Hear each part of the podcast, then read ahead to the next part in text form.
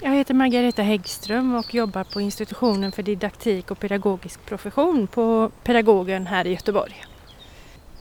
Alltså det jag har tittat på eh, det är hur estetik kan liksom bidra till att elever får en upplevelse av att vara i skogen.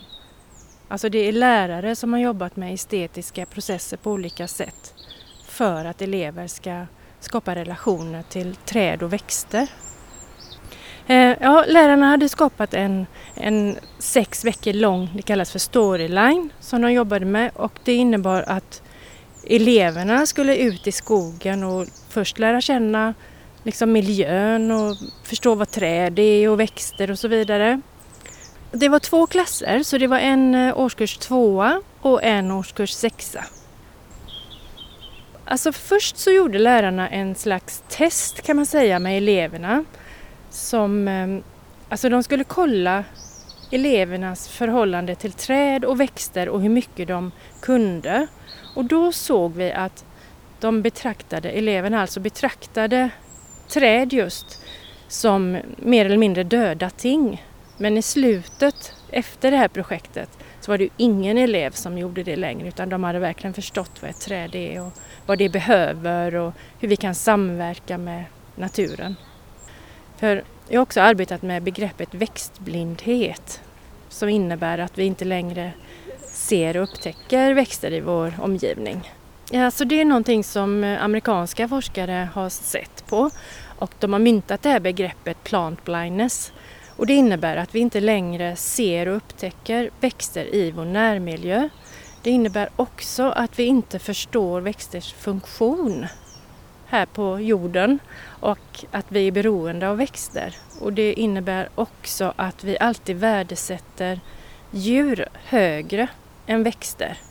Plus att vi inte heller uppskattar det estetiska värdet av växtlighet. Så det är liksom begreppet växtlighet. Och det var det som de här lärarna ville motverka och istället skapa ett slags eh, ekologisk literacy. Och det är ungefär tvärtom mot vad växtblindhet är. Att man verkligen förstår vad växter har för funktion för livet på jorden. Det som jag blev förvånad över det var ändå att eleverna väldigt fort Eh, fick ett slags band till sitt favoritträd och pratade om det som, som en kompis och att man kan gå dit och krama sitt träd. Och de är precis som vi. Och det här sa man både i tvåan och sexan. Eh, men sen så hände lite olika saker för i tvåan så var eleverna väldigt upprörda när de såg hur människor hade skräpat ner i skogen. Så det blev en ganska stor grej i eh, just årskurs två. Och de skapade mm, plakat och de skulle ut och demonstrera och de gjorde ramsor som de skanderade då medan de hade sin eh, demonstration. Och det hände ju inte i sexan. Utan i sexan var det mer att eleverna också reagerade på att det var så skräpigt men de ville ut och städa i skogen. Och de bestämde sig också för att göra skyltar att sätta upp i skogen för att folk inte ska skräpa ner och för att de ska gå till soptunnor. Och då upptäckte de att det fanns ju inga soptunnor. Så att då började de göra det. De gick till slöjden och fick sin slöjdlärare med på detta för att snickra ihop eh, några soptunnor då. Så att lite olika vändningar tog det. Men i båda fallen så blev det ju att eleverna tog över och bestämde vad som skulle hända. Och de, de riktade det här arbetet mot miljömedvetenhet och mer miljökunskap och hållbar utveckling. Och det var egentligen inte avsiktligt från lärarna att jobba mot det, även om det naturligtvis eh, uppskattades. Vad tänker du att det då kommer fram till har för relevans i den vanliga undervisningen? Alltså jag tänker inte att man behöver göra ett särskilt projekt så som Storyline till exempel. Men jag tänker att det krävs en väldigt medvetenhet hos läraren vad det är man vill åstadkomma.